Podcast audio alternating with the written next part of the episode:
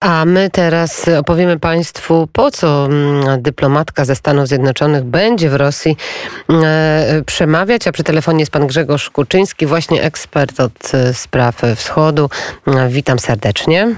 Witam, dzień dobry. No to powiedzmy, panie redaktorze też, bo pan pisze, pan komentuje, po co asystent sekretarza stanu USA Karen Donfried przyjeżdża do Moskwy 15 grudnia? Co chce osiągnąć, jakie ma cele?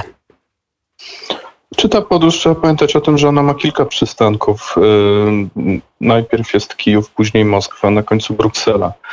Jest to tak jakby ciąg dalszy tego, co się zaczęło podczas yy, takiego wideo szczytu Biden-Putin w ubiegły wtorek. I tak naprawdę chodzi tutaj o dogadanie już szczegółów pewnego porozumienia, które wstępnie, wstępnie zapewne prezydenci Rosji i Stanów Zjednoczonych tydzień temu yy, zawarli.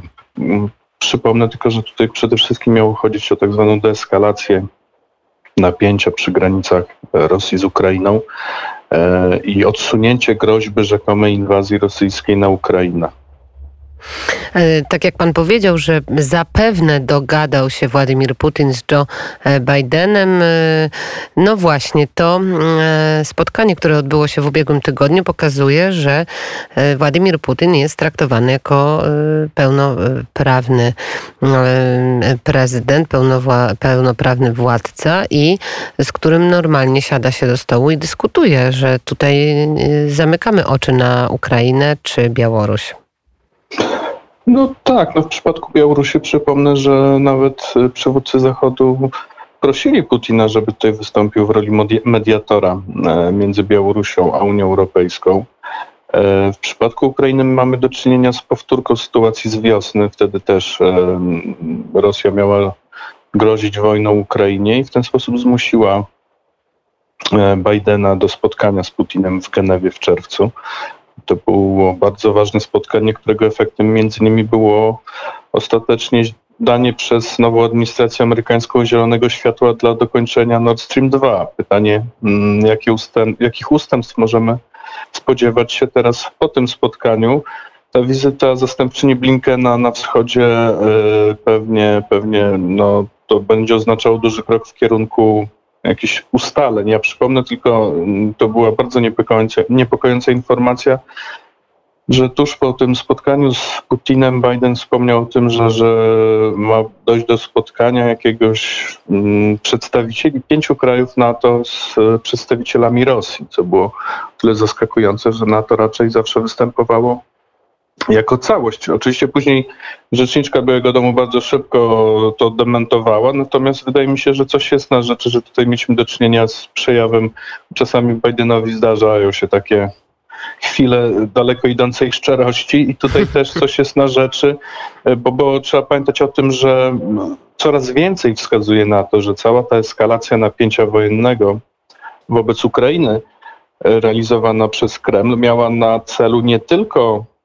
uzyskanie poprzez kraje Zachodu jakichś ustępstw y, y, ukraińskich, ale jest tutaj, mamy do czynienia z taką szerszą strategią. Chodzi generalnie o zatrzymanie procesu rozszerzania NATO na wschód. Y, Rosjanie mówią już wprost, że żądają od NATO prawnych gwarancji, że na przykład Ukraina czy Gruzja nigdy do Sojuszu Północnoatlantyckiego przyjęte nie zostaną. Co więcej, co jest, i to już dotyka nas bezpośrednio, no pojawiają się też e, rosyjskie żądania, żeby e, no w ramach jakiegoś takiego pakietu nowego porozumienia między Rosją a NATO, żeby sojusz miał, nie mógł rozmieszczać w krajach graniczących z Rosją, a takim krajem jest chociażby Polska przecież, rozmieszczać jakieś broni ofensywnej. Właściwie tak naprawdę no nie jest sprecyzowany do końca jakiej, jakiej broni, więc tak naprawdę to jest próba otwierania jakiejś takiej niebezpiecznej drogi do ponownego stworzenia w ramach samego NATO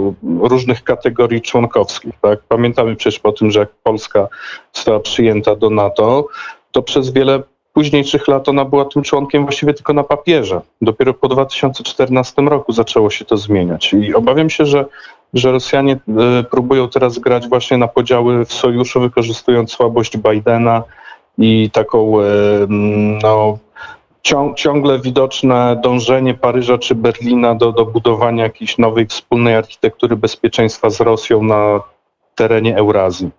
No i na koniec, y, panie redaktorze, to powiedzmy jednak, że patrząc y, na to wszystko, co się dzieje i na, na te spotkania i na te rozmowy, możemy chyba jednoznacznie stwierdzić, że Władimir Putin y, swoją taktyką osiąga cele, które po prostu sobie założył i, i chce je realizować.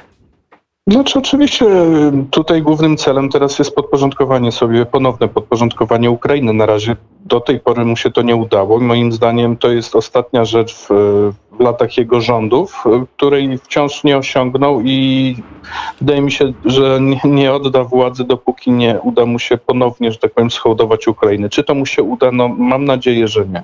Bardzo dziękuję za ten głos. Pan Grzegorz Kuczyński, ekspert o e, spraw wschodu, także autor licznych książek na temat Rosji. Bardzo dziękuję i do usłyszenia. Dziękuję bardzo. Punktualnie ósma i wiadomości.